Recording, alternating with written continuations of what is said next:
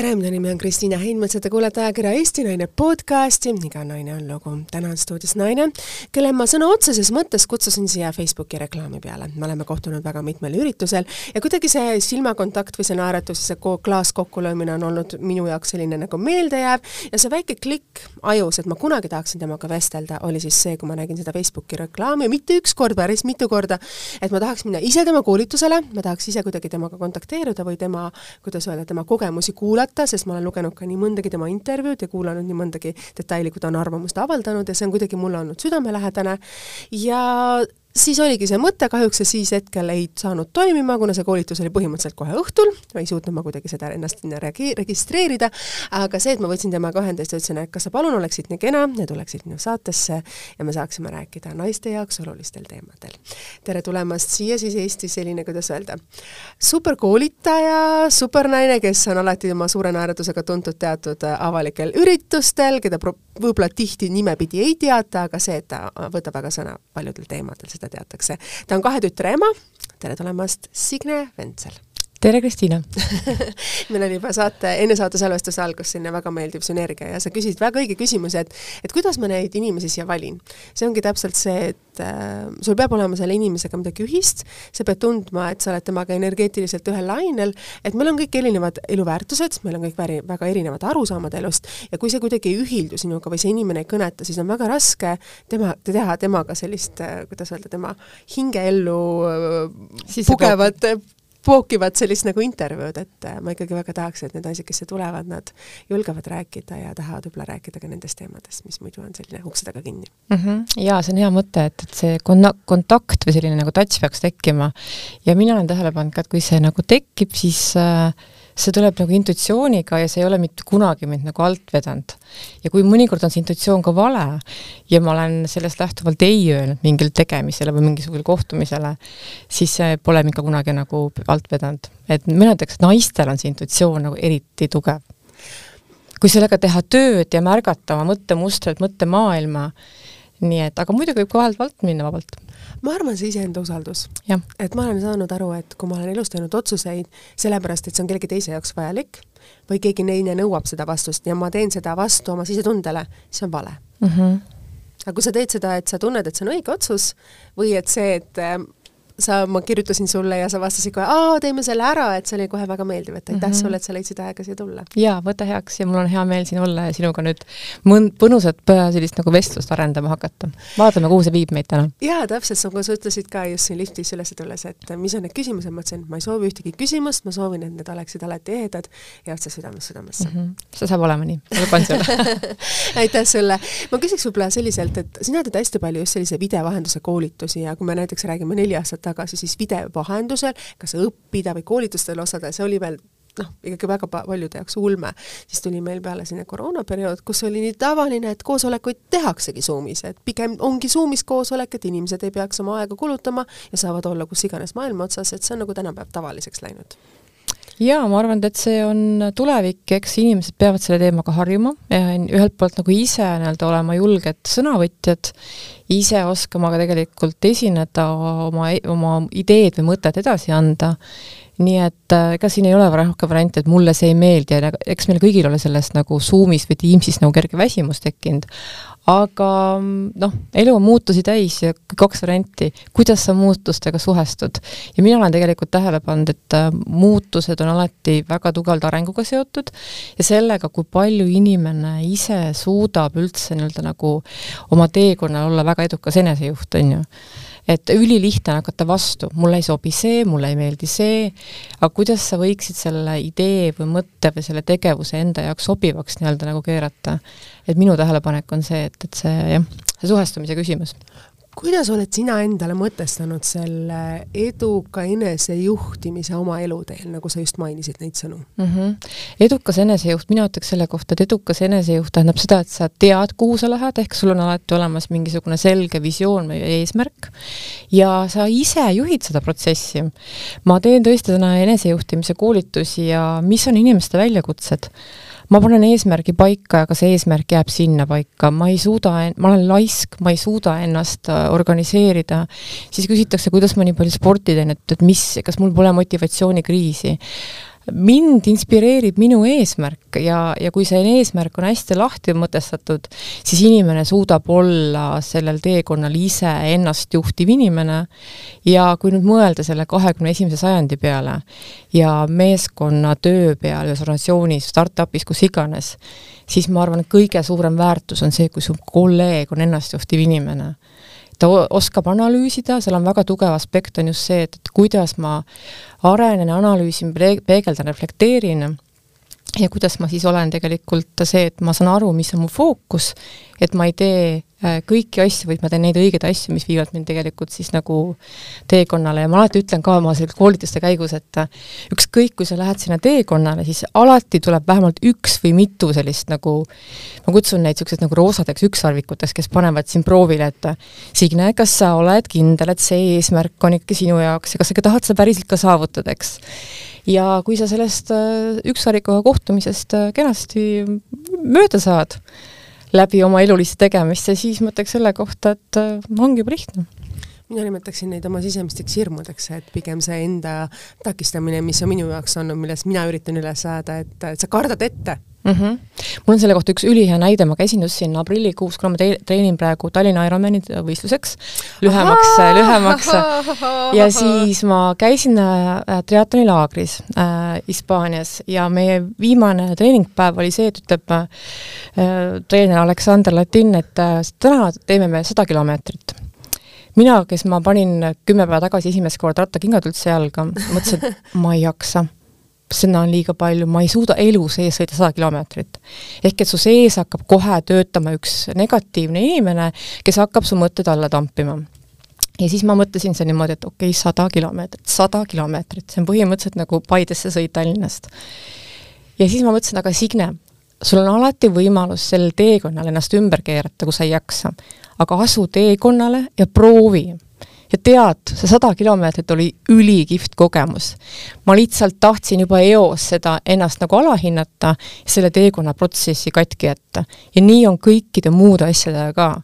tehakse sulle äge tööpakkumine või mingi projekti pakkumine, ma ei oska, eriti naised, ma ei oska, mul pole seda kogemust, ma, no mul on pere ja tea, mis kõik veel asu tegudele ja ma võin öelda ka, et mina täna koolitajana ei tea ka kõikidele küsimustele vastuseid. mõnikord teed mõnda projekti, vaatad, appikene ma pole seda kunagi teinud. aga hakkad tegema, siis sul tekib visioon, käid paar jooksuringi teed ära ja pilt on hoopis selgem. sa oled hästi sportlik ja. ja sa praegu vaata, tegeled, ma tean, lugesin golfiga, sa tegeled suusatamisega ja see Ironmanile valmistamine, oh my god, ma kasutan ingliskeelset sõna, sest tõesti teistmoodi ma ei oska seda nagu teha. kuidas sa selle ideeni jõudsid, et äh, samamoodi hirm, kui keegi ütleks mulle Ironman, ma sõidaks nagu viimane asi ja tegelikult sellega oligi hirm, ma võin öelda, et ma kaks aastat käisin, kuna ma elan Kakumäel, siis mm -hmm. ma mhm. käisin Harku järve ääres vaatamas kahel aastal järjest, panin kella kuue ajal kella tirisema, et minna vaatama, et kuidas need inimesed siis seal tegelikult sporti teevad kolme ala korraga ja ma, mul oli kell kuus hommikul, et ma täpsustan. seal on ja, see hakkab hästi varakult pihta, üks pikem distants nii-öelda, et nad lähevad sinna ujuma ja siis mm -hmm. ja nii edasi.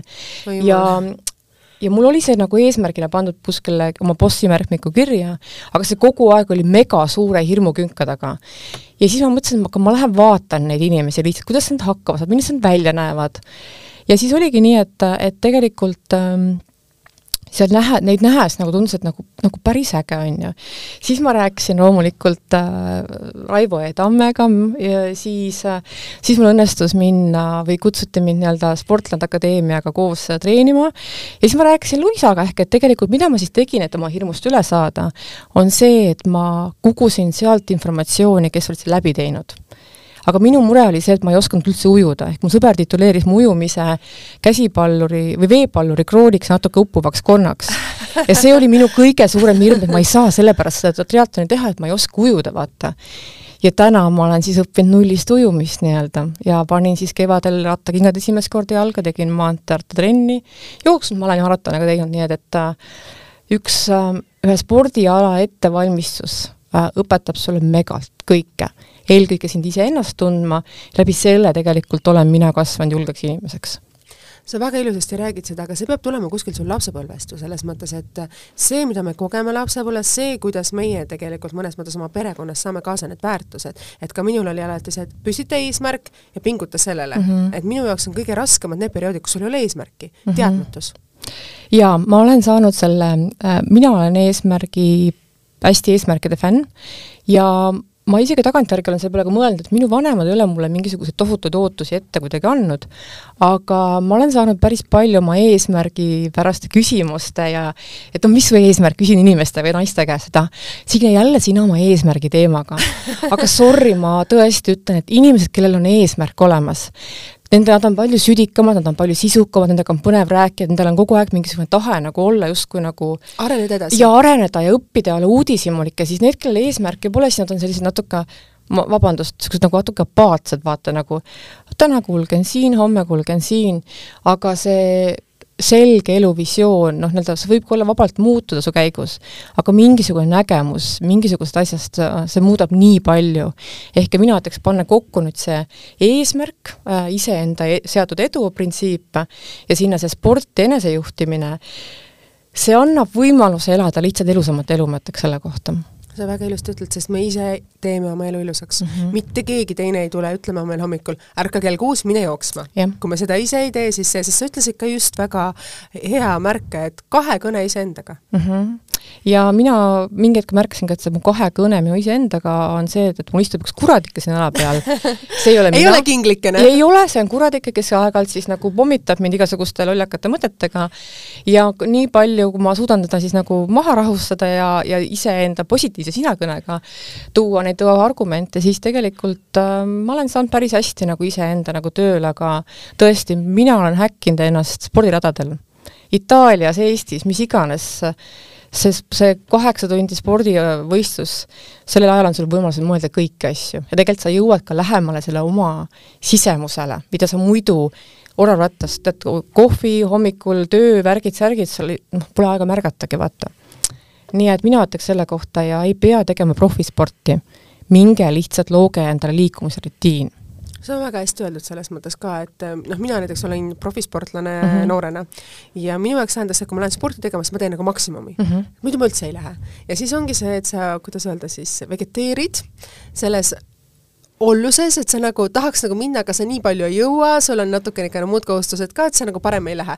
aga just see, et sa hakkad kas või see üks minut või viis minutit või kümme minutit mm, -hmm. siis sa lõpuks jõuadki sinna sellele, kuhu sa alguses mõtlesid ju mm. -hmm. ja minu lemmikud on ikka totaalselt igasugused kõnnikoosolekud, noh et mina kõnni, oot-oot-oot, räägime, mis asi on kõnnikoosolek? kõnnikoosolek on selline asi, näiteks täna hommikul ma tundsin, et ma peaks nagu võtma oma märkmiku lahti ja panema mingisuguse plaani paika, aga ma võtsin selle asemel hoopis koera, äh, panin talle traksid peale ja läksin, tegin ühe ühe kõnnikoosoleku, ehk et ise kõnnin samal ajal uh -huh. ja mõtlen paika oma mingisuguseid äh, sassi läinud mõtteid uh, -huh. päevaplaani või homset plaani ja ma olen isegi teinud nii, et ma olen mõelnud järgmise koolituspäeva mingisuguse ülesehituse välja. et, et kuidas sa selle salvestad pähe, et sa ikkagi ju, mõtted ju lähevad harali, minul on see asi, kui mina kohe paberile ei kirjuta, siis ma olen tunni aja pärast juba ära unustanud, oot-oot-oot, täpselt kuidas see tead, mis ma nagu teen või? ma no. panen nii, et ma panen endale ka vahel nii, et, et notes'e panen ja siis ma teen vahel voice memosid. käies? jaa, kõndides ma mm -hmm. jooksen otsa ja mm -hmm. siis on see, et ma saadan endale ka emaili, ehk et kui ma lõpuks arvuti taha jõuan, siis mul on olemas mingisugune kümme emaili, mille ma siis nii-öelda ära kategoriseerin, et kuhu, mis nii-öelda vaja on. aga see on tohutult äh, tõhus meetod noh, varem oli, ma ist-, kui mul oli vaja mingit artiklit toota, siis mm -hmm. ma mhm. istusin selle laua taga üks tund ja kaks tundi, noh ei tule rohkem mm, -hmm. ikka istud, et ei, see peab täna valmis saama, ikka pingestad, pungestad iseennast. jalad alused lõpuks. ja, ja siis on nagu, et ma ka lubasin endale, eks. ja siis ma lihtsalt panen raamatu, selle kläpaka kinni ja lähen teen ühe kõnnikoosoleku ja noh, natuke niisugusest nagu teistsugust ja nii palju uuringuid on ka tehtud, mis ütlevad, et see liikumine annab sulle uusi mõtteid, kõiki muid asju ka, et Tugev aju on ülihea raamat, lugege seda kas hommikusport või õhtusport? või mõlemad? mõlemad, mõlemad äh, kui on kiire päev, siis ähm, jaa, hommikul alati, eriti kui praegu see selline kevadine mõnus soe aeg on, siis minust on patt maha magada neid hommikuid ja teha kas või kolmkümmend minutit kerget niisugust kiirkõndi või jooksu ja siis äh, on nii äge päev. aga õhtul saab teha pikemalt nii-öelda, et, et äh, ratast või jooksma, mis iganes, mulle meeldivad mõlemad, ma ei, isegi ei eelistaks kumbagi ühele või teisele nii-öelda. kas sa teed üksi sporti või sul on alati elukaaslane või keegi on sinuga kaasas või sõbranna, et ma tean, et väga paljud selliseid sõbrannaõhtuid veedetakse ka sporti tehes? jaa, mul on tegelikult täitsa niisugused nagu omad äh, päevad, on vahepeal, kus ma ütlen mehele, et sorry, ma täna lähen üksinda sinna Kakumäe rabasse jooksma, et sina jää täna koju või mine kuskile golfi mängima. ja siis on vahel see, et me käime palju ka elukaaslasega koos, nii et, et see on oluline ju. see on äge jaa, et, et sport ühendab väga palju ja annab juurde. sellised ühe, ühised lihtsad tegemised on ju see, mis tegelikult seovad inimesi kokku mm. -hmm. jaa, nii et, et, et le leida siis... endale see võib-olla niisugune nagu äh, vastutuspartner või accountability partner, et see mõjutab päris palju niisugust eesmärgipärast nagu saavutust sa oled täheldanud oma Facebookis äh, sellised sõnad nagu kartulid ja apelsinid, see oli üks väga äge seriaal Eesti telemaastikul. kumb oled sina, kartul või apelsin ma arvan, et ma olen ikkagi apelsin, jah mm. -hmm. mitte ma olen ikka suhteliselt kindel, jah. ma olen julgem, eneseteadlik, aga mitte üldse arrogantne, vaid ta pigem on see, et, et kõik, kes seal lähiümbruskonnas on äh, alati toetatud suure hoolivuse ja empaatia ja toetamisega, aga mulle meeldib konkreetsus ja, ja see tihtipeale ei ole kõikide jaoks nagu söödav miks ei ole konkreetsus tihtipeale inimestele söödav, et mida sa nagu täheldad, et kas inimesed nagu kipuvad hästi palju kokkulepetest taganema ja muutma neid? pigem see, et, et ei julgeta rääkida ausalt ja avatult ja võib-olla on seal taga peidus mingisugune teema, mis siis tegelikult on lahendamata ja siis ollakse julged või niisugused nagu tagasihoidlikud maskiga lihtsalt seda allasurumist on ka hästi palju ju, kas ütleme, tööl sul või kodus või sellistes ka sõprade seast, et ah, mida sa hakkad tegema või pigem juba eostamatakse sind tagasi. palju oled sina ise sellega kokku puutunud, need inimesed, kes sul koolitusele tulevad, palju nagu seda öeldakse, et et on, inimene tahab teha, aga nii palju negatiivsust tuleb ümber, et ta ei julge? oi, seda on palju ja mina ütleks täna, et kui ma olen täna nüüd nagu gümnasi-, gümnasistidega olen kool, õpetaja, siis ma olen tudengitega ülikoolis, ja kui ma saaksin anda kuldkalakesele ühe nagu niisuguse kepikese, millega ta saaks siis nagu anda nagu võlu väärt, siis mina ütleks, et annaks inimestele sellist ettevõtlikkust ja vähem nagu kartust, aga mis nüüd võib juhtuda, eks. ja mul on nii hästi meeles, kui me hakkasime kirjutama kaks aastat tagasi Kristi oma, oma partneri Kristi Jõeorgiga raamatut Julgust luua muutust ja siis mulle öeldi väga palju ähm, kes teile ikka neid raamatu lugusid annab, eks ole, ja ja miks peaks keegi teie raamatust äh, nagu, te saate selle pealt kasu, on ju, et, et nii palju eel-, eelarvamusi on inimestel. Ja siis ma mõtlesin, et aga need, kes mulle neid kommentaare annavad, pole ise kunagi raamatut kirjutanud. ehk et vaadata selle nagu kommentaari taha ja siis tegelikult teha julgeid otsuseid. Ja ma arvan, et see julge oma nagu teekonna käimine, et võib tundagi selline nagu arrogantne, aga mina ütleks selle kohta, see on eneseteadlikkus lihtsalt see on julgus olla sina ise ja julgus mm -hmm. teha neid otsuseid, mis on sinu jaoks olulised ja nende väärtuste ja asjade eest ka seista mm. -hmm, just mis on nagu need teemad, mida sa ise mäletad, mida sa lapsepõlvest oled selles mõttes kaasa võtnud, et äh, me kasvame üles ju tegelikult keskkonnas, kui me saame emaks, siis me hakkame kuidagi oma lapsepõlvele hoopis teistmoodi nagu vaatama ja isegi kui me mingil hetkel need kokku pakime, siis selleks, et ise minna inimesena edasi, me võtame selle oma baasiks ja sinna hakkame oma elu tegelikult peale ehitama mm. -hmm. mis on võib-olla need asjad, mida sa ise mäletad lapsepõlvest, need ilusamad mälestused või detailid või asjad? jaa, mul on tegelikult, ma saan öelda, et ma olen hästi õnnelikust äh, perest, mul on hästi õnnelik lapsepõlv olnud, mul on kaks äh, nooremat õde ja ma olen võtnud kaasa vanematelt megasuure töökuse, et kui sa tegelikult, äh, ma arvan, et see on nagu ühelt poolt natuke kõikidel, et kui sa noh, teed tööd, on ju, siis tuleb ka armastus. Aga, aga pigem selle, et, et selline nagu südikus ja ettevõtlikkus, äh, mu vanemad küll pole ettevõtjad olnud, aga hästi ettevõtlikud nii-öelda, et selle iseenda juhtimisaspekti, ja mida ma võib-olla veel kaasa olen võtnud sealt lapsepõlvest, on ikkagi see, et, et alati heatahtlikult, mu ema on alati õpetanud, et ükskõik, mis on, alati heatahtlikult ja see on see, mis mul ka alati kaasas käib, et vahel tahaks koleeriku isiksuse tüübina küll kellelegi lajatada, aga aga eks ma olen ka õppinud seda asja, et nii et, et et vaidlusest saab tulla alati võitjana välja, kui sa ei astugi vaidlusesse väga õigesti öeldud. et kui sa teatud, teatud olukorrad, kui ta seda elimineerid oma elust ära, sa tead, et see on mõttetu võitlus mm, -hmm. siis seda ei eksisteeri ja sul on ja. väga hea ja ilus elu. ehk et eesmärk on ju elada oma elu lihtsalt. nautida. nautida protsess, ma just lugesin täna hommikul raamatut, Simon Sineki raamatut Piirideta mäng ja ta ütleb ka, et, et luua endale nagu see piirideta mäng on sinu enda teha, see ei pea üldse keeruline olema mida oled sina selleks teinud, et see piirideta mäng ise omaenda elust luua? ma arvan, et ma, see samm, et ma tegelikult astusin äh, nii-öelda palgatöötaja rollist välja ja lõin selle nagu oma nägemuse järgi elustiili see oli raske otsus ju. see oli raske otsus. jalad ju värisesid, sest lapsed olid kindlasti väiksed ja nende eest vastutamine ja see, kuidas ma suudan kõik need arved homme maksta ja näpuga näitamine, et aa, sa olid see hea palgaga, et kuidas sa nüüd hakkama saad. jaa, lapsed olid küll juba nagu suuremad, aga selles mõttes ikkagi see mõte käib alati läbi, et kas ma saan hakkama ja kas ma olen üldse piisavalt hea aga, ja oli ka kommentaar ikkagi jätkuvalt see, et aga noh, et, et kui sulle ikka see ettevõtlus ei sobi, mis siis saab? No jumal küll, siis ma lähen tagasi, tagasi palgatööle, et, et inimestel on nagu noh, nagu et mingi nagu nii tugevates raamides elatakse. ja siis ma olen tähele pannud ka, et on see, et, et et me justkui nagu noh, me elame mingite reeglite järgi, keegi ei tea ainult, kes need reeglid paika on pannud. ja siis ma mõtlengi, et aga, aga mina ei taha nii elada, on ju, ma tahan teistmoodi.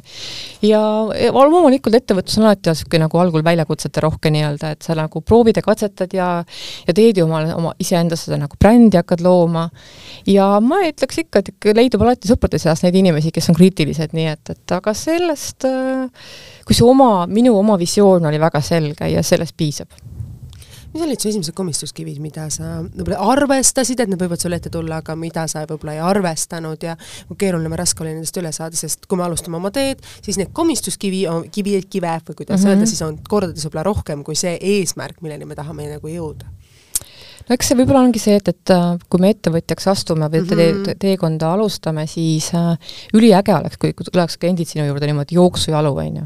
Nad teavad, et sa oled kuskil olemas ja kõik mul kirjutavad ja helistavad sulle, aga selle iseenda nähtavaks tegemine, et sa räägid, mida sa tegelikult teed, missugust mõju sa oled loonud, ja see oli võib-olla niisugune natuke julgustükki nõudav ja ma täna näen ka, et paljud inimesed äh, istuvad ja ootavad oma kliente ja julge ennast läbi väärtuspakkumise näidata. nii et äh, eks see eestlaste, aga ma olen ju eestlane, kommentaar on hästi paljude inimeste kommunikatsioonis, ma märkan seda koolitustel, et kuidas ma ikka iseendast hästi räägin, aga sa ei pea ütlema, et sa oled maailma parim, ma ei tea, koolitaja, vaid sa räägid selle, seda hoopis, et missugust väärtust sa oma tegemiste töödega lood. ja see on hoopis teistsugune lähenemine väga õigesti öeldud selles mõttes, et ongi, nagu ma ütlesin ka saate alguses mm, -hmm. et need väärtushinnangud, mis meil on kodus kaasa tulnud, on need, mis tegelikult seovad meid tulevikus ka nende inimestega ja, ja enda ümber. et kuidas me nagu oleme energeetiliselt mm. -hmm. mina ütleks, et noh, et ettevõtlus on tohutute võimaluste maa ja sul ei ole mitte kunagi igav, ma arvan, et ma olen sellist tüüpi inimene ka, kes otsib hästi palju niisugust uudsust ja uudishimulikkust, nii et äh, jah.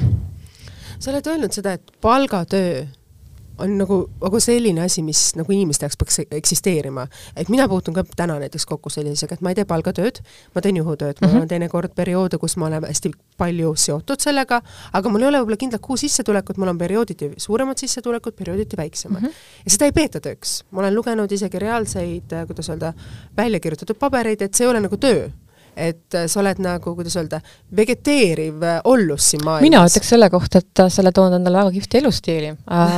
nagu tänane nagu töö disainimise maailm koosneb just nagu projektipõhistest ampsudest ja ma teen neid asju, mis mulle päriselt meeldivad, mis mul tulevad hästi välja. ma mõtlen tagasi oma, oma pikale kõr-, staažile kõrgharidusmaastikul.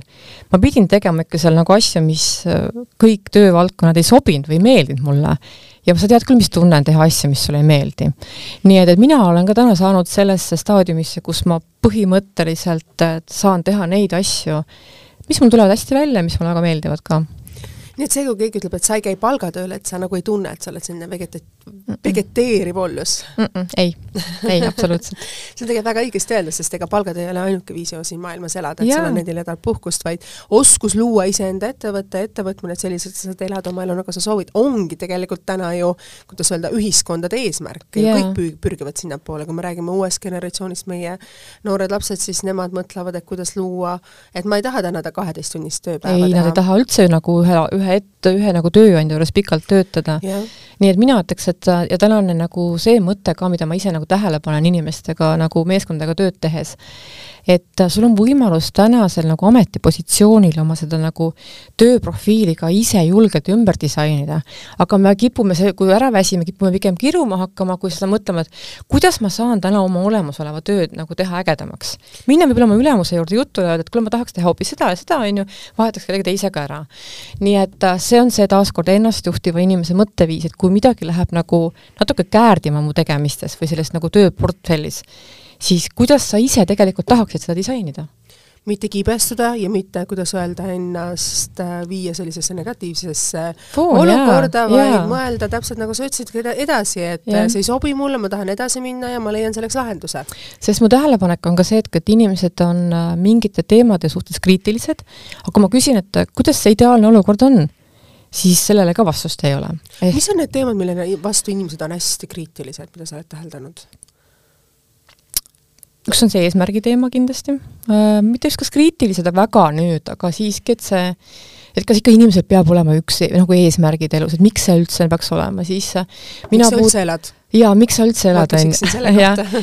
siis mina teen ka väga palju persoonibrändi koolitusi, siis sealt tuleb mängu see, et noh, miks ma peaks olema sotsiaalmeedias nähtav, on ju. ei pea, üldse ei pea, aga sotsiaalmeedia on üks tööriist erinevate eesmärkide saavutamiseks, loo sinna oma süsteem, sa ei pea olema nagu staarjuht või staar, ma ei tea, mingisugune naine või mees, aga see on väga kihvt vahend, millega omale väärtust luua, nähtavust luua ja kliente leida, nii et kasuta targalt. mina olen pigem saanud, äh, ütleme, selliseid kommentaare, et sa käid seal eputamas nojah, need on kadedad inimesed et selles mõttes, et samamoodi, et ma olen mõnes mõttes teadlikult natukene seda kujundanud, kuhu ma veel ta veel selle brändina välja kujundan, ma ei tea, nagu mm. -hmm. selles mõttes, aga neid katsetusi ma olen teinud ja proovinud ja vaatame, mis siis toimib, mis ei toimi, aga noh, inimesed, ütleme, need brändid, asjad on mind nagu üles leidnud ja mul on ainult hea meel mm. -hmm. et kellelegi on see korda läinud, mida ma seal teen. mina ütleks, mis mu tähelepanek on täna üldse sellist nagu suunamudimist, suunamudijate kategoorias ka see, et, et on palju kui sa pro-, inimese profiili vaatad ka, siis sa ei saa aru tegelikult, kes ta on, et noh, ta reklaamib juustu, siis on mingisugune beebitoit, siis on mingisugune, mingisugune muu teenus, on ju, ehk et, et küsimus on see, et kes sa oled, on ju. ja läbi selle rohkem nagu siis valida ja kuiki mitte koostööd vastu võtta, vaid ikkagi luua see oma nišš nii-öelda see on see, millega mina praegu tegelen, nii et väga hea. kuidas siis oma bränd luua, ma siit kohe küsin, kasutan seda võimalust siin ja küsin, et et mis, nagu sa juba mainisid, et see kindel oma nišš, et kuidas sa selle niši nagu siis valiksid? Sest noh, nagu sa ütlesid väga õigesti, et meil on tõesti siin suunamudjaid, kes on, sa ei saagi enam aru, mida ta teeb või kas ta on ema, presenteerib ennast emana mm -hmm. või ta presenteerib ennast siis sellise moeteadliku inimesena, kuidas nagu seda võtta? no mina ütleks, et kõige tähtsam küsimus selle juures ongi see, et, et küsida endalt, et kuidas ma tahan, et mind tuntakse, teatakse. ja see on natuke selline visiooni küsimus ja, ja see algab tegelikult sinu enda selgest nägemusest. ja kui sul see selgus on olemas, siis sinna saab hakata looma läbi tegevuste ja kommunikatsioonivahendite väga selget nii-öelda brändingut juurde mis on need esimesed sammud, mida sa võiksid kommunikatsioonis siis sinna oma Instagramidel või sotsiaalmeedias juurde lisada? ma ütleks, et alustada võiks üldse sellisest klassikalisest asjast nagu iseenda SWOT äh,. saada aru, noh, mis on su tugevused ja siis kõik seegi tegelikult kommunikatsiooni panna, siis ma ütlen, et äh, ma teen täna tööd meeskondadega ja ma küsin mõne inimese käest, kes on oma valdkonnas tõesti nagu tipptegija, noh, mingi IT-juht näiteks, et milles sa väga hea oled. ja siis ta vastab mulle, et noh, nagu võib-olla ehk natukene oskan programmeerida, et, et me ei, me ei, miks me iseendast ei oska nii-öelda nagu läbi väärtuspakkumise rääkida, sest me ei tea, milles me head oleme. Sest meil ei ole kunagi tegelikult ka sisendatud, et julge just, hinnata seda, mida sa oskad. ja ma näen täna, et haridusmaastikul on jätkuvalt lüngad seal sees, nii et, et vot selles osas ma ei oska öelda, aga ma tean, et tänapäeval noored ettevõtjad, ka naised näiteks, kui minu ajastul oli see, et kui sa olid pikkade blondide juustega ja ilusate jalgadega ja võib-olla natukene tuntud, siis sa olid kategoriseeritud teatud mm -hmm. ühte valdkonda ja sealt välja tulla oli nagu ke-, keeruline, et sa nüüd nagu võitlesid nagu Don Quixote'ina nende äh, tuuleveskitega seal, siis täna on need noored ettevõtjad, kes on ka nii mõnigi teinud väga suure äh, kuidas öelda, ägeda äri, ägeda äri, saavad absoluutselt ise hakkama, ütleme, mulle meeldivad miniseelikud, mulle meeldivad kaheteistkümne sentimeetrise kood ja siis mm. -hmm. aga täpselt nii ongi. kes ütleb, et äh, ettevõtja ei või kanda miniseelikut, on ju? et, äh, et kelle reeglite järgi me elame siin elus? ja, tek... ja mulle väga meeldib selles mõttes, et mulle öeldakse, no nii tore oleks ikka, kui sa sellele üritusele tuled mingi sugulase sünnipäevale. aga kui mina tahan sellel päeval hoopis sõita nädalavahetusel, ma ei tea, Portugali, siis ma seda ka teen et.... oot-oot-oot, sulle meeldib Portugal väga meeldib et, et selles mõttes ma nagu kutsun nagu eriti just, et nagu, ma mõtlen, ma mõtlen nagu see tuleviku naise peale, et, et ta võiks nagu oma sisemise hääle järgi rohkem julgeda elada. Ja see ei pruugi üldse olla, ma ei tea, su emale või ämmale või õele või vennale nagu meeltmööda, aga kui sa ise oled rahul ja tegelikult tead täpselt, siis nii ongi ju. Tegelikult see ei ütlemine võib-olla nendele kohustustele, mida sa oled võtnud enda ellu, on keeruline jaa, ma, olen nõus, ma olen ka seda õppinud ja, ja tegelikult äh, kui ma olen saanud paika oma selged eesmärgid, siis on ülilihtne ei öelda. jah kui on fookus paigas, siis ma mõtlen kohe, okei okay,, sul tuleb mingisugune pakkumine, mingi tegemine või kutsutakse mm -hmm. kuskile, ma ei tea, vabatahtlikuks, siis on see, et aga see tegelikult ei ole äh, minu eesmärkidega kooskõlas ja lõpuks võid sa olla nii nagu hõivatud erinevate asjadega, mis sind tegelikult äh, ei toida ja siis sa oled stressis, pinges ja kes selle tiheda ajagraafiku tekitas? ise absoluutselt, aga iseendale tunnistamine, et ma ei taha mõnda asja vastu võtta, on ka teinekord keeruline, see on nagu sisemine võitlus ju selles mm -hmm. mõttes, et sa oled nagu harjunud, sul nagu on nagu kohustus, sa pead seda tegema, tegelikult sa ei taha seda teha mm. -hmm. ja mulle ka meeldib see mõte, et äh, kui sa ta-, noh, nagu, nagu sa ei, sa ei taha seda pakkumist vastu võtta, siis äh, ütle lihtsalt ei, sa ei pea mõtlema sinna juurde mingeid totakaid vabandusi. ma kuulen naiste käest nad seda kogu aeg, et, et aa, mul on see asi, see, ütle lihtsalt ei ja kogu lugu, sa ei pea põhjendama. tihtipeale on see kartus, et kui ma nüüd julgen ei öelda, siis sa saad nagu agressiooni osaliseks. jaa, et kas see e-, ema juubel või ämma juubel on siis mingi hea põhjus, miks sa seda siis teha ei saa, on ju. üldse pole, ütle lihtsalt ei ja kogu lugu, on ju. väga õige, väga õigesti öeldud selles mõttes. minul on pigem nagu sisemised hirmus, hirmud, et öelda ei oli minu jaoks nagu midagi konkreetsust omada, oli nagu väga selline raske Mm -hmm. et ma olen seda, seda näiteks endale teadlikult teinud, et ma alati nagu va-, pidin nagu vabandusi mm -hmm. otsima, et et see tuleb ka nagu mingis mõttes, kuidas sellest nagu üle saada, et see enda pidev vabandamine, vanuses nelikümmend ei pea enam vabandama. ei pea, üldse ei pea, ma ütleks ka, et, et see on, see natuke sellise nagu eneseväärtustamisega vist ka seotud, et ja jah, südamerahu järgi tuleb sealt tegutseda, jah sa oled kahe tütre ema mm, -hmm. üks lõpetas sul aasta tagasi siis keskkooli, õpib täna ülikoolis, teine lõpetas sul äsja ülikooli, et mis on need väärtused, mida sina teadsid emana, et sa tahad neile kaasa anda, sest kasvatada tütart, ma võin öelda, ja kasvatada poega on kaks väga erinevat moodust mm. -hmm jaa, ma, mul, oskan ainult tütarde eest rääkida ja mis mina olen nagu kaasa andnud või mis mu põhimõte on olnud väi, mm -hmm. kohe väiksest peale, on see, et, et äh, võimalikult palju iseseisvust nendele kohe anda ja ma ütleks selle kohta, et see on ülihästi äh, toiminud.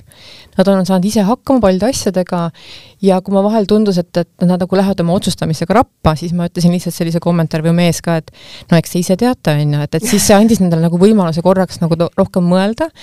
ja mina ei ole olnud kindlasti see ema, kes, kes käib, et aga miks sul see kolm on või miks sul see pole neli või viis, on ju. ja mu tütred on mitu korda mulle öelnud, et emps, ma väga tänan, et sa ei push'i meid hinnete pärast, mida teevad suurem osa vanemaid, et kui kõik on viied või kui kolmi pole, siis lähme Pariisi või kuhu iganes, hinded on ainult numbrid. ja vaadake pärast, mis siis juhtub, kui päriselu on, on. nii et vabadus ise otsustada ja, ja juba see anda, et tegelikult nad ise disainivad juba noorest peast nii-öelda seda oma, oma nagu elukulgu, on ju kuidas sa seda nagu ise nagu tahtsid ka juhtida, et kui nad andsid neile võimaluse ise disainida seda, et no andsin mõni... ma nagu võimaluse ise otsustada, noh.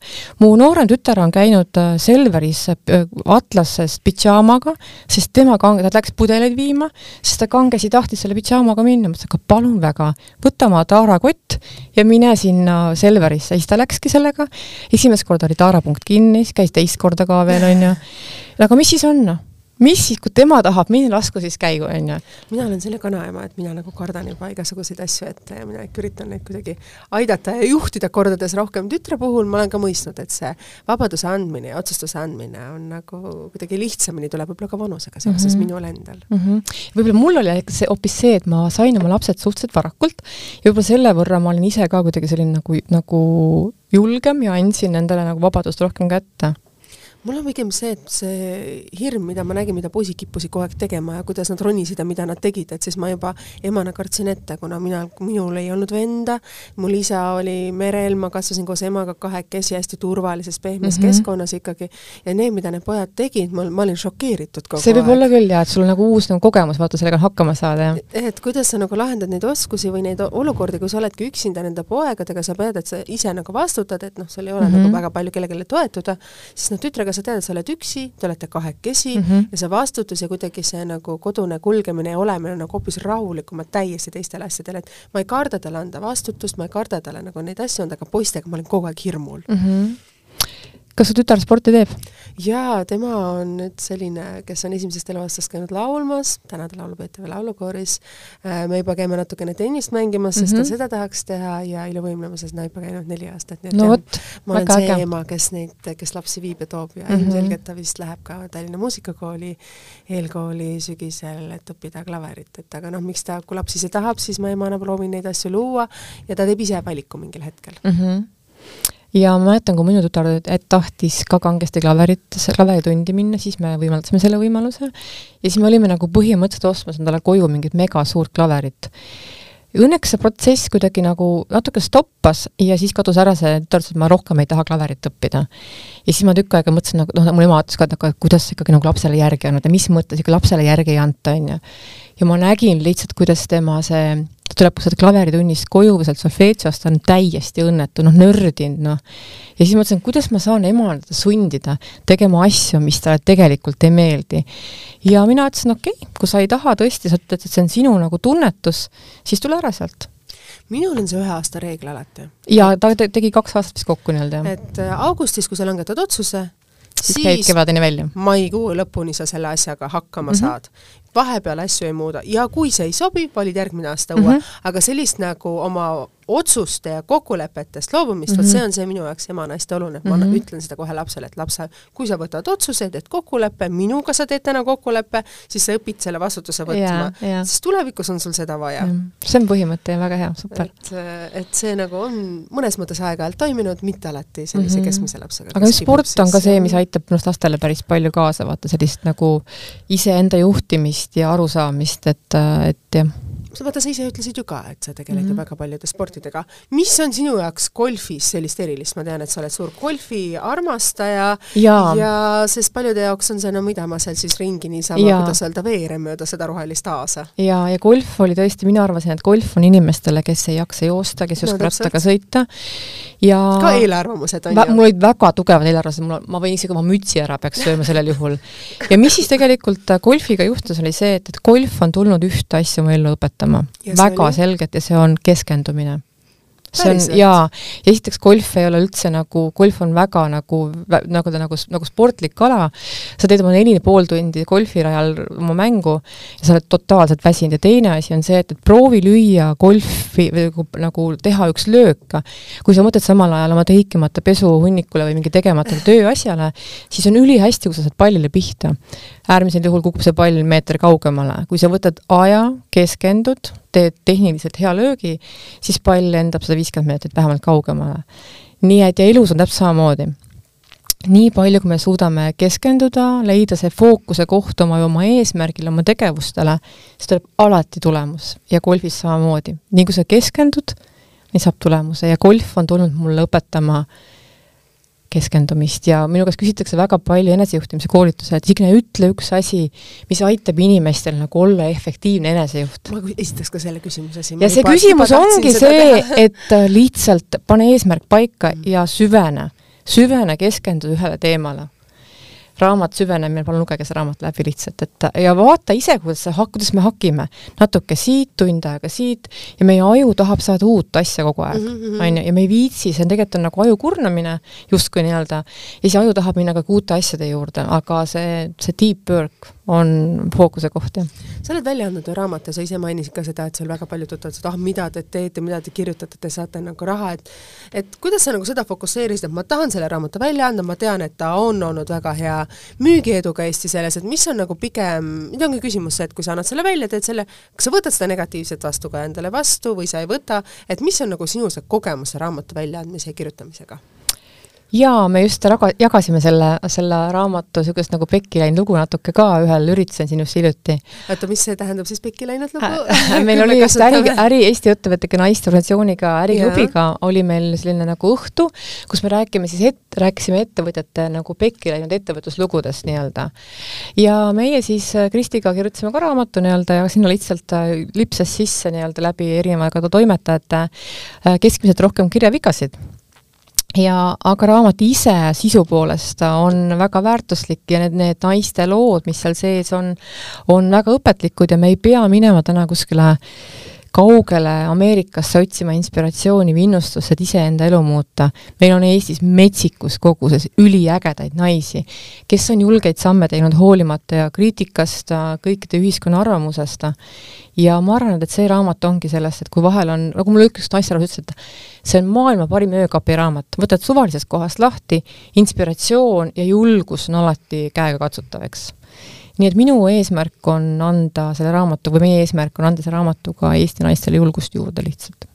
kas Eesti naistel on vähe julgust? Nad ikkagi elavad oma mõnes mõttes, noh eriti väga palju meie vanuseid, nad elavad kuidagi oma kammitsates, oma asjades, et noh, ma võin toon, toon hea näite, et kui ma hakkasin lahutama, siis minu ümber olevad inimesed, sa oled hull, et ära seda jumala pärast tee, tee kõik ainult selleks, et sa ei peaks ära lahutama mäletan, sa küsisid, ma küsisin, et aga miks ma pean seda tegema, et kui see asi ei toimi, need asjad, siis, äh, siis ma lasen elul nagu otsustada selles mõttes, et mina ei kavatse, kuidas öelda, oma otsustest ja väärtutest muuta ja mina ei kavatse nendele, ei soovi enam nendest taganeda ja tulgu see, mis tuleb. aga ma mäletan, sa küsisid, et neela alla, tee midagi, kuidagi see hirm, et ma ei saa üksi hakkama või et sina ei saa nüüd hakkama, et sul on kolm väikest last, et et see oli hästi suur, ma nagu, nagu tundsin ja kui ma tegin selle otsuse, siis äh, kuidas öelda, need muutusid asjad päris palju. et siis need inimesed, kes olid ümber, siis nad ütlesid, aga me ütlesime sulle, ma ütlesin sulle, ma ütlesin, aga vahet ei ole, minul eesmärk oli see, et ma abiellusin armastusest ja kui seda enam ei ole, siis ma lahutan mm. -hmm. aga ma ei abiellunud ühegi teise detailiga, mis selle aasta jooksul tekkis, kuidas mm -hmm. öelda, selle abielu osaks.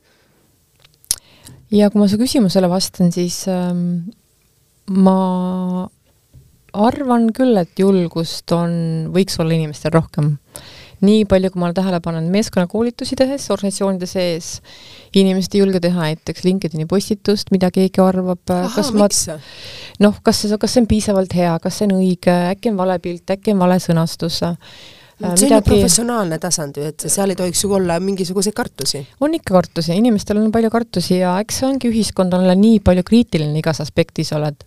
ja see ongi see koht, kuidas iseendasse nagu teadlikumalt investeerida ja saada aru, kes, mis on su tugevused nii-öelda, et siis ei pea seda kartust võib-olla ka ühelt poolt nagu nii hulluks nii-öelda mõtlema. aga julgust võiks olla küll inimestel rohkem kui sina teed oma koolitusi, mis on need sõnad, mida sa ütled inimestele, et kuidas seda julgust siis juurde tekitada, et ma arvan, meil on palju kuulajaid, kes mõtlevad samamoodi, et suvi tuleb, nii palju saab teha suveperioodi mm -hmm. jooksul muutusi ja see naine, kes sa oled nagu sügiseks, võib olla täiesti teine mm, -hmm. aga see ongi meie otsus ja meie julgus äh, minu selline moto, mida ma päris palju kuidagi olen ise hakanud kasutama, on see, et, et julgetel on rohkem võimalusi ja ma just olen tude-, nagu õpilastega ka ühte eneseturundusainet andmas ja ütlen alati, et kui sa küsid küsimusi, siis see on, annab sulle võimaluse õppida. kui sul on võimalus avaldada arvamust, siis avalda alati arvamust, sul pole kunagi nii, et sul pole oma arvamust. nii et julgetel on alati rohkem võimalusi, palju, palju rohkem valikuid. kuidas julgeks saada? number üks tuleb äh, aru saada, et mis on su eesmärgid ja tegelikult see eesmärk paneb sind tegutsema hästi lihtne öelda, eks. ma just tahtsingi öelda selles mõttes, et kui palju sa nagu ise oled olnud olukordades, et sul on eesmärk ja nüüd sul on see tagasilöök ja sa kahtled iseendas?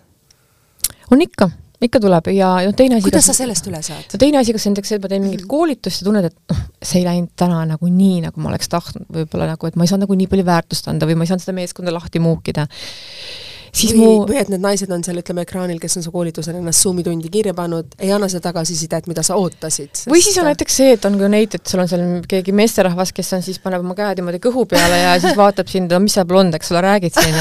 et noh, neid on ka ja panevad sind proovile kogu aega. aga mis mu põhimõte on see, et, ähm, et äh, et ma, kui ma midagi muuta enam ei saa siis ma olen võtnud selle põhimõtte või nagu ma üritan seda üsna nagu, mul tuleb juba päris hästi ka välja, et ma võtan selliseks nagu enesehaletsemiseks aja, kuskil viisteist, kolmkümmend minutit ja siis ma panen kirja, mis mul nagu siis nii-öelda halvasti läks iseenda arvates. ja siis on aeg täis, sest et ülejäänud aeg hakkab lõhkuma su enesekindlust enda asjade üleskirjutamine, mida võiks paremini teha, on siis üks nendest sammudest, mida ja sa teine teed. asi, noh, et kui sa midagi enam muuta ei saa, siis selle päevade kaupa see enesehaletsemine, see kriitika su peas, miks sa seda teed, unusta on ju, unusta mm. -hmm. ja see mõte ka, et, et ma arvan, et me, sina oled oma hea sõber oma sõpradele, mina olen ka väga hea sõber oma sõpradele. aga mikskipärast me oleme iseendale mingid megasuured kriitikud. Midagi Jaa. läheb halvasti, ah sa pole hea ema, sa pole hea mees, kehv koolitaja, mis iganes, midagi keegi arvab, on ju. miks ma peaks olema enda vastu nii kriitiline või miks ma olen nii kriitiline? ma arvan ka need on, kuidas öelda, kõrvaldised mõjud ja võib-olla ühiskondlike väärtustele tagaajamine, et sa tahad pigem olla, kõiki neid asju teha, mis on justkui ette kirjutatud, mida sa pead jaa tegema., just, ja see nagu see ühiskonna edustandard, et sa oled Jaa. siis õnnelik, kui sul on kass, koer, poeg, tütar ja mees, on ju, ja Abielus ja ja abielus ja, hea maja ja on ju. Ja mina ei tea, ja kõik ei tahagi täna üldse lapsi näiteks saada, kõik ei taha võib-olla oma autot omada, on ju, et noh, see ongi see, et loo iseenda edu printsiip. ja see ei pruugi sobida sulle ega mulle, aga see on tema kolmanda inimese jaoks väga nagu tähtis võib-olla ja väga selge visioon. Väga, väga hästi on nagu öeldud. tihtipeale ongi see, et see kriitika, mida me iseenda enda mm. suhtes nagu teeme, et see ei ole konstruktiivne. ei ole üldse täiesti nagu mingisugune, mina vaatan ka täitsa utoopilised mõtted tulevad pähe. ja siis ma vahel, mul on see põhimõte ka, et ma kirjutan, kui tekib selline nagu kriitiline hetk sinna pähe, siis ma kirjutan oma neid napakaid mõtteid pähe, nagu paberi peale välja. Ja siis on, ma vaatan, appikene, kas tõesti mina olen nüüd mõelnud nagu, et see on üks väga hea nagu valge lehe meetod äh, oma halbade mõtete kaardistamiseks ja siis on krõmps-krõmps on ju prügikasti põhimõtteliselt. Mina teen seda, kuidas öelda, oma mõtetes või niimoodi nagu selliselt ja siis ma kuidagi Nagu- ei pane neid eh, prügikasti, vaid ma nagu tõstan nad jah, kõrvale. nagu sahtlisse paned, vaata kuskile eemale. jah, kuskile, et see Ahah. prügikasti viskamine päris nagu ei taha, teinekord on hea neid meenutada Jah. mis olid sinu sellised rumalad mm. nagu mõtted ja aeg-ajalt, kui sa mõtled nende asjade peale võib-olla aasta või kahe pärast, sa mõtled nagu, see oli täiesti mõttetu. Mm. -hmm, ja nii ongi. ma olen ikka aeg-ajalt sirvin oma seda märkmikku, mida ma hommikuti siis nii-öelda kirjutan. nii et sul on kindel märkmik, kuhu sa kirjutad oma asju mm. -hmm. et see hoiab sind nagu strateegiliselt, visiooniliselt nagu eesmärgi sihina, sest noh, mina kipun siin ära valguma ja ma arvan ka väga paljud kuulajad, et jaa, ma kasutan hommikul sellist nagu klassikalise valge nagu tühi märkmik ja Tavaline sinna lihtsalt märkmik. kuupäev ülesse, mis on hetkel fookuses, et seda oma fookust hoida, siis on see, et ikkagi, et äh, mis mind tegelikult eile rõõmsaks tegi näiteks, siis on see, et missugune segadus mul peas on, mis tekitab mulle, ma ei tea, mingit ärevust või või mis vajab lahendamist, ja siis on see, et ikkagi äh, mi-, mul on ka oma mingisugused mantrad, mida ma kasutan ah, no, näiteks, mis need on, ma tahaks neid väga teada. Mul on üks selline kas ma tohin küsida, on sul, see läheb väga isiklikuks? mul on üks selline nagu tehtud selline nagu kujundatud selline nagu minu enda mantra, mida ma siis nagu aeg-ajalt ka nagu kordan iseendale, ehk see on niisugune nagu, nagu, nagu, nagu tsitaat või toetav nii-öelda. et oma võimete kohta ja sellise nagu, kuidas ma ütlen, nagu isikupära kohta, nii et, et, et sa oled unikaalne, sa saad ise luua, on ju, sinus on tohutu kasutamata potentsiaali. Ja siis seda ka ma aeg-ajalt niimoodi nagu oma rutiiniks kordan, nii et, et see oli üks asi, mis mind mingi perioodi elus aitas, kuidas öelda, püsti seista, nii et ma ärkasin hommikul üles, esimene asi, kui ma läksin sinna tualettruumi, panin kaks kätt sinna, ma mäletan, sinna Kapi peale. kapi peale, vaatasin peeglisse, ütlesin need kolm lauset, noh, mitte kõva häälega, aga mõtetes, on ju, ja siis mu päev oli hoopis teistmoodi mm. -hmm. kui ma jälle seda ei teinud, siis kuidagi see laialivalgumine ja need hirmud, mis su ikkagi endas olid, et see oli eks selle, mina ütleks, et selle nagu päeva alustamise rutiin on mind hästi palju aidanud nagu fookuses hoida ja sellist positiivset minapilti ka, et mul on üks raamat, mida ma loen, kus on siis nagu igaks päevaks kuupäevade lõikes mm -hmm. on siis tsitaat ja siis tsitaadil on kerge lahtikirjutus, on ju. Nii et äh, noh, mingi üks, mis mulle kohe meenub, on see, et, et seal tuli just ühel hommikul, et laevad on mõeldud sõitmiseks, mitte nagu sadamas seismiseks. ja noh, samamoodi ülekantuna ellu, on ju, et, et, et elu on ela, elamiseks elu on seilamiseks. on ju, mitte ühes kohas mugavustsoonis istumiseks. absoluutselt. ja noh, kui sa seda loed, hakkad mõtlema, mida võiks veel julgemalt teha, noh, mõnikord üks lause annab sulle niisuguse laengu ja mõnikord võib kellegi nagu üks kriitiline lause võtta sul kogu energia, eks. jaa, absoluutselt. sõnal on teinekord rohkem kaal ja jõud, kui mm. -hmm. on tegudel mm. -hmm nii et, et mina jah, et mind on hästi palju aidanud selline nagu ja kui on eriti nagu ärevad ajad siin, ma ei tea, see sõda algas, on ju, või see, see Covidi periood, oma rutiin, ma ei tea, maskid pähe, väike lugemine, korraks niisugune nagu iseendaga olemine ja mina ärkan ka varem üles, sellepärast et saaks seda vaikust saada kätte, on ju, et nii, et, et sulle meeldib vaikus? jaa, mulle meeldib nagu, ma saan nagu korraks nagu mõelda nagu iseenda mõtteid, kui ma olen veel teinud seda läpakat lahti, kus kõik hakkavad midagi kirjutama mm. või tahtma, et olla kontaktis nagu jah, selle, mis mul sealt seest tuleb, vaata. seda on nii põnev jälgida. kui sul on vaba õhtu, kas on klassikaline muusika, rokkmuusika või vaikus mm,? sinu kui, õhtu? minu õhtu, ma just äh, eelmine suvi, mul oli variant, oli, mul mees oli kuskil ära, oli mingi mõnus soe õhtu, siis ma mõtlesin, et kas ma lähen nüüd linna peale kuskile, ma ei tea, nii-öelda nagu sõbrantside kokteili jooma. Või ma siis olen kodus, ma, mis ma tegin siis, ma panin endale siis terrassile küünla põlema, pallisin pokaali roosat veini ja lihtsalt olin ja mõtlesin ja kuulasin muusikat ja ma ei tea, kassin seal ja ma tegelikult õudselt nautisin seda. et vaata, kuna ma hästi palju ka annan nagu väljapoole, siis äh, ja ma armastan kvaliteetset seltskonda. ma ei taha kiruvaid inimesi enda ümber ja, ja siis ma tundsin, et, et see oli niisugune kvaliteetne õhtu ja saad mõelda iseenda mõtteid, keegi ei sega sind vahele see on hästi hea tunne. jaa, see on väga mõnus ja ma arvan, et neid hetki võiks rohkem endale luua teadlikult. aga väga raske on ka üksinda kodus olla, kui sul on võimalik nüüd esimest korda elus neid mõtteid ise mõelda mm. -hmm. et noh, näiteks olles ise ema, mul oli kogu aeg kolm last ümber, sellist hetke isegi reisidel ei olnud, et mm -hmm. ma olen mhm. üksinda. et mul oli kas, alati oli keegi kõrval mm. -hmm. sellist kunagi ei olnud mul hetke, et ma saan päris üksinda olla ja kui ma olin, siis ma ei osanud olla. mul mm -hmm. käed pärises, ma tegin kõiki neid asju, ma ei suutnud osata mõelda Leida oma mõtteid mm. -hmm et see on tegelikult oskus, mida me peame õppima ja kui me ja. selle saame kätte, vot siis me oleme küll sisemisest jaa, hästi paljud just kellega nagu, nagu beebide emad ütlevad ka, et aga mul on nagu kogu aeg selle beebiga mässamist, on ju, ärevus on äkki mis siis juhtub, on ju eks siin tulebki nagu step by step nii-öelda hakata liikuma ja ei maksa nagu siis minna nagu närvi, kui kohe ei tule hästi välja või, või lähed, ega, ega siis mina ka. mul on ka vahel see tunne, et ikkagi, et nagu oled seal oma hetkes, ai, ai, see kiri on kirjutamata, see on poole oh,, appi talle on vastamata, siiamaani helistas mulle näed tagasi, on ju. et siis selle nagu tuled tagasi sellest äh, tsoonist ja, ja ehk et see on see nagu oma mõistuse sisemine juhtimine ma olen võib-olla aru saanud, et kui mul jääb mõnele emailile vastamata ja ma tõesti unustasin ta kahe silma vahele või mõne asjaga, siis ma, kuidas öelda, tean, et sellest ei juhtu midagi, ma saan järgmine päev mm -hmm. selle uuesti ette võtta.